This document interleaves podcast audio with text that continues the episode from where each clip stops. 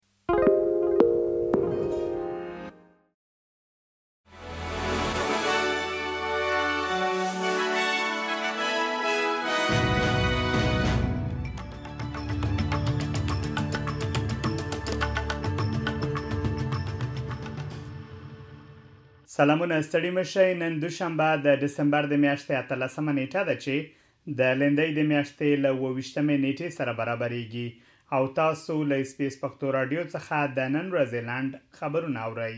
د کوینزلنډ ایالت په شمال کې د سیلابونو له امله د وجل وجل په نوم ښارګوټی خالي شوی دی. د کوینزلنډ ایالت په شمال کې د جاسپر په نوم وروستی توفان د سیلابونو لامل ګرځیدلی او یو زیات شمیر کورونه یې له خطر سره مخ کړي دي. د کوینزلنډ ایالت د پولیسو کمشنره کترینا کارول وايي، یوه ډله کسان چې د ودانۍ په بام بند پاتې و، د اوبو د کچې له کمېدو سره توانېدلي ترڅو له سیمې څخه خوندي ووځي.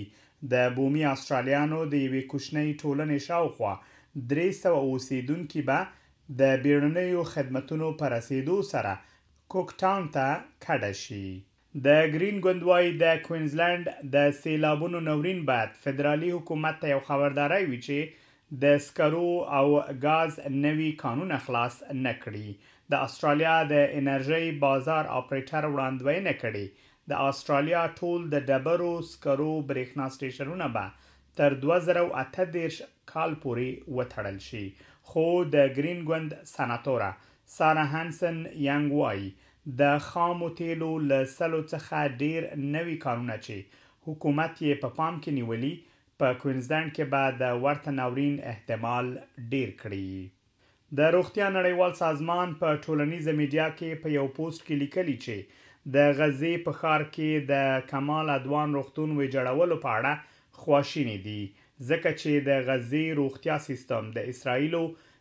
د دفاعي ځواکونو له خوا په نښه کېږي.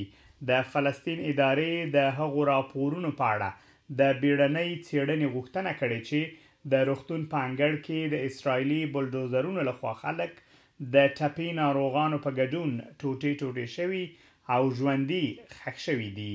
په همدې حال کې روغتیايي چارواکي وايي چې د غزې په جنوب کې د خان یونس په ناصر روغتون کې د اسراییلي ټانک د مرمۍ له امله لږ تر لږه یو ماشوم وژل شوی دی. وسله والو په مکسیکو کې د کرسمس څخه مخکې په دودیزه مراسمو برید کړی چې د شمالي مرکزي ایالت ګواناجوتو په سالواتیرا ښار کې یې دوولس کسان وژلي دي. سیمه ییزو رسنیو راپور ورکړی چې قربانیان د پوسادا په نوم د کرسمس له جشن وروسته له تالار څخه د وتلو په حال کې وکله چې دوی په ډزو ووژل شول. د ډسمبر د میاشتې اتلسمه نېټه د کډوالو نړیوالې ورځې سره برابرېږي. دغه ورځ له تېرو درې ویشتو کلونو راهیسې هر کال لمانځل کېږي. دغه ورځ په داسې حال کې لمانځل کېږي چې هره ورځ یو زیات شمېر خلک د بېلابېلو لاملونو له امله خپل هېوادونه او سیمې پرېږدي.